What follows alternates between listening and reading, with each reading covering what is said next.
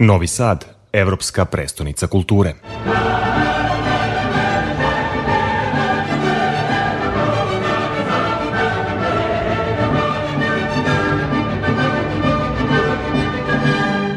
Zahvaljujući programu Druga Evropa Evropske predstavnice kulture, Novi Sad je postao grad stripa, odnosno bačeno je svetlo na tu devetu umetnost i ona je konačno u prvom planu.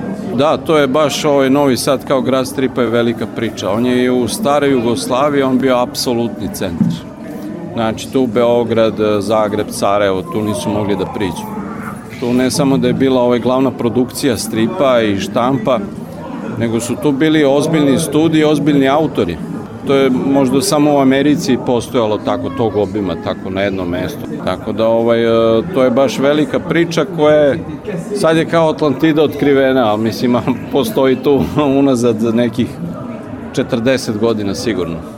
Da, ovo je samo kruna i zapravo vaša izložba Dnevnik Maksa von Fafnera ili e, Saša Jovanovića je početak jednog novog e, poglavlja, novog ciklusa izložbi u Muzeju savremene umetnosti kako je najavljeno da će konačno ovaj, dobiti priliku da prikažu svoj dugogodišnji rad i drugi autori. Da vam kažem, nas stalno zovu, evo ja iz iskustva, znači zovu, to je Brisel, Pariz, Metz, Ženeva, to kad e, naši autori odu tamo, tu pod 200-300 ljudi čeka u koloni da mi nešto potpišemo i nacrtamo. Znači, mi bukvalno svako od nas može e, petodoplo više ljudi da skupi od Emira Kusturice. E sad, e, to je iz ovog i onog razloga bilo malo zapostavljeno u Novom Sadu, verovatno su bile neke važnije stvari da se rešavaju. Strip je svakako jedan e, veliki dragulj koji Novi Sad ima i koji možda nije potencirao i naglasio koliko mi imamo kvalitetnih ljudi koji to rade, koji su stvarno deo evropske e, strip kulture, koji su stvarno tamo e, u temelju svega toga. Znači, mi gradimo zajedno s njima pre otvaranja onih poglavlja sa Evropskom unijom i da mi smo već tamo. Čak ovaj, po mnogim elementima mi smo, uh, ovi naši uh, ljudi, talenti, su ispred njihovih. Tu ima stvarno uh, autora koji su praktično evropska avangarda sad.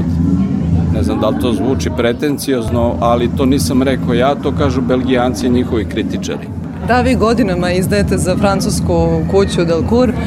E, kako je došlo do upliva srpskog stripa na francusko tržište? To je u stvari frankofono to uh, područje i to su te zemlje Beneluxa, njih ima nekih 80 miliona. Znači, e, to je to govorno područje već tog gabarita da može da podrži jednu e, tako luksuznu i kvalitetnu produkciju. I uh, oni jednostavno tim svojim investiranjem u to i velikim tržištem oni su sposobni da privuku talente odavde da tamo rade. Mi smo jedno manje tržište i onda je ovaj dosta teško ako tu nema neke državne pomoći ili ove ili one, da se to komercijalno radi produkcija, znači da autor može godinu dana da živi od toga bez problema, to sad malo teže ide, jer su manji tiraže. E, i to je u stvari njihova tajna uspeha, znači ima ih mnogo, 80 miliona, ali e, nemaju toliko više kvalitetnih autora nego što mi imamo. Dakle, imate idealne uslove za rad, može se reći. A, da li vam je data apsolutna sloboda? E, ja moram da kažem da su ti ovaj, francuski urednici s kojima sam sarađivao stvarno profesionalci. Oni mogu da procene s kim rade, tako da e, ja mogu da kažem da sam imao slobodu. Znači, meni su davali za pravo i da promenim možda ako nešto u scenariju je drugačije osmišljeno, da ja to napravim na svoj način. Koji period vas najviše kao autora intrigira? Ja sam odrastao na naučnoj fantastici. A radio sam jedan e, naučno-fantastični strip, pa onda je bio jedan savremeni i onda su krenuli istorijski. Pa e, svaka era ima svoje zanimljivosti. Istorijski motivi su jako zanimljivi jer kada se ode recimo u to antičko vreme uh, antičkog Rima, Uh, vidi se koliko u stvari se mi i ne razlikujemo toliko. Koliko smo svi krenuli iz nekih uh, sličnih korena i to ovaj, kad, kad se malo prelista i uh, tacit uh, istoričar iz tog vremena i tako.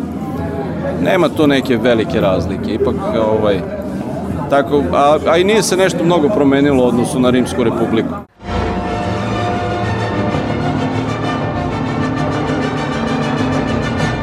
Novi Sad evropska prestonica kulture.